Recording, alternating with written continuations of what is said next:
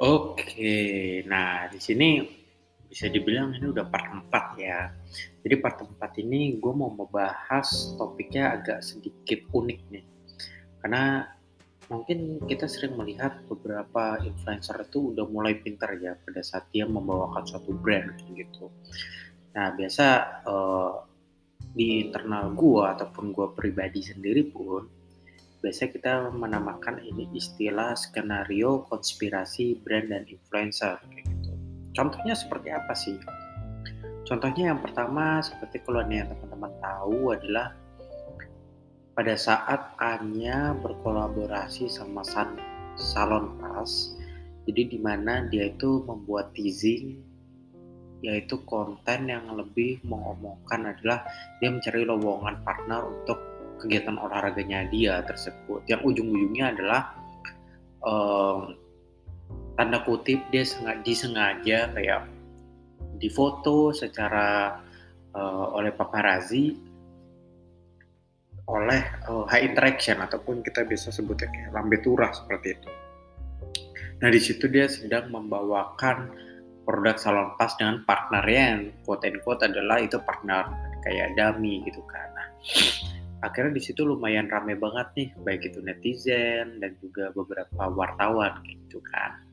Sebenarnya pick up-nya itu adalah dari netizen itu sendiri sih karena banyak banget uh, netizen tuh yang kurang memahami konsep konspirasi seperti ini yang dianggapnya adalah itu postingan organik padahal itu sebenarnya adalah permainan antara brand dan KOL seperti itu. Ataupun yang kedua adalah waktu itu smart friend melakukan kerjasama dengan Arif Muhammad, di mana Arif Muhammad itu membuat surat terbuka untuk presiden bahwa mereka karena pandemi ini tidak boleh uh, pulang kampung ataupun mudik, akhirnya dia menyuarakan melalui surat terbuka itu untuk meminta kuota yang murah, kuota yang gratis seperti itu kan, yang ujung-ujungnya adalah Smart Friend sebagai solusinya untuk menjawab surat itu tersebut kayak gitu. Walaupun sebenarnya di belakangnya udah ada skenario itu gitu kan. Dan good pointnya adalah pada saat uh, brand melakukan seperti itu, poin dari brand itu sendiri adalah pertama mereka tuh lumayan akan mendapatkan banyak exposure gitu loh. Dalam arti tidak hanya cuma influencer itu sendiri, tetapi juga banyak di, diomongin oleh beberapa uh, netizen maupun juga beberapa uh, sampai juga beberapa media besar pun yang ngomongin uh, kegiatan itu tersebut ataupun konten itu tersebut gitu.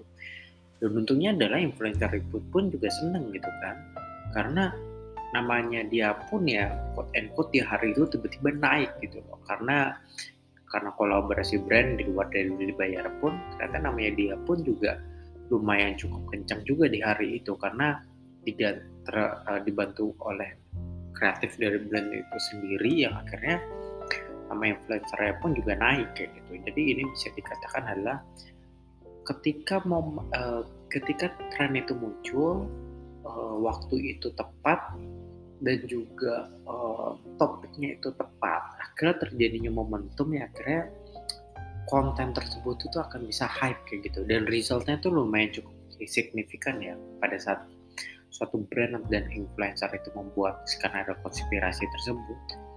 Jadi resultnya itu adalah di luar dari mereka mendapatkan engagement yang cukup besar, otomatis mereka juga mendapatkan publikasi secara gratis oleh beberapa publisher-publisher, even juga terkadang sampai uh, modelnya USS Fit for Active kayak gitu tuh juga mereact atau merespon dari kegiatan itu tersebut kayak gitu.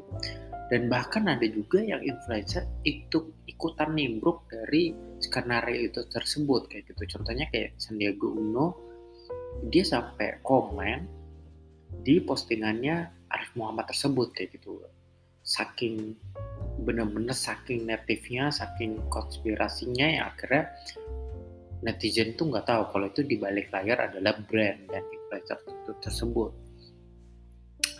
Kemudian contoh yang ketiga itu yang mungkin sempat ramai juga adalah pada saat podcastnya uh, Arif Muhammad dan Atta gitu kan. Eh sorry Reza Arab dan Atta gitu kan di mana di situ podcastnya disengaja adalah makanya uh, Reza Arab yang benar-benar polos gitu menanggapi uh, respon pertanyaan dari Ata kayak gitu kan di mana-mana biasanya podcast itu kan tektokannya lumayan cukup uh, cukup ini ya cukup enak gitu ya. Tapi pada saat momentum di situ adalah podcastnya itu tuh lumayan unik gitu loh. Karena nggak banyak uh, ibaratnya di podcast brand gitu ya. Tapi ini satu narasumber dan juga satu host ini tuh yang terlihat chemistry-nya tuh nggak dapat gitu. Karena itu lumayan cukup jadi banyak banget pembicaraan orang akhirnya viewsnya tuh membludak secara organik gitu.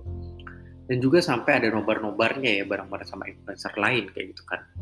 Jadi bisa dikata di di uh, bisa dibilang di pada kita pada saat kita mencari influencer maupun topiknya itu benar-benar harus sangat relevan yang ini kuncinya itu adalah bagaimana kita bisa membaca karakter dari influencer itu sendiri karakter dari followersnya mereka itu sendiri dan juga kita mencari momentum yang pas untuk menemukan konteks dan topik yang tepat pada saat kita publikasi atau publish konten kita tersebut gitu kan. Hopefully dengan beberapa pilar-pilar tersebut yang kita jabarkan itu bisa menjadi impact yang cukup positif dan cukup hype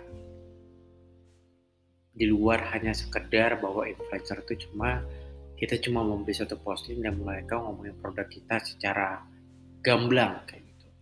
Sekian uh, podcast gua hari ini. Nextnya coba kita akan belajar untuk uh, topik-topik yang lain kali ya.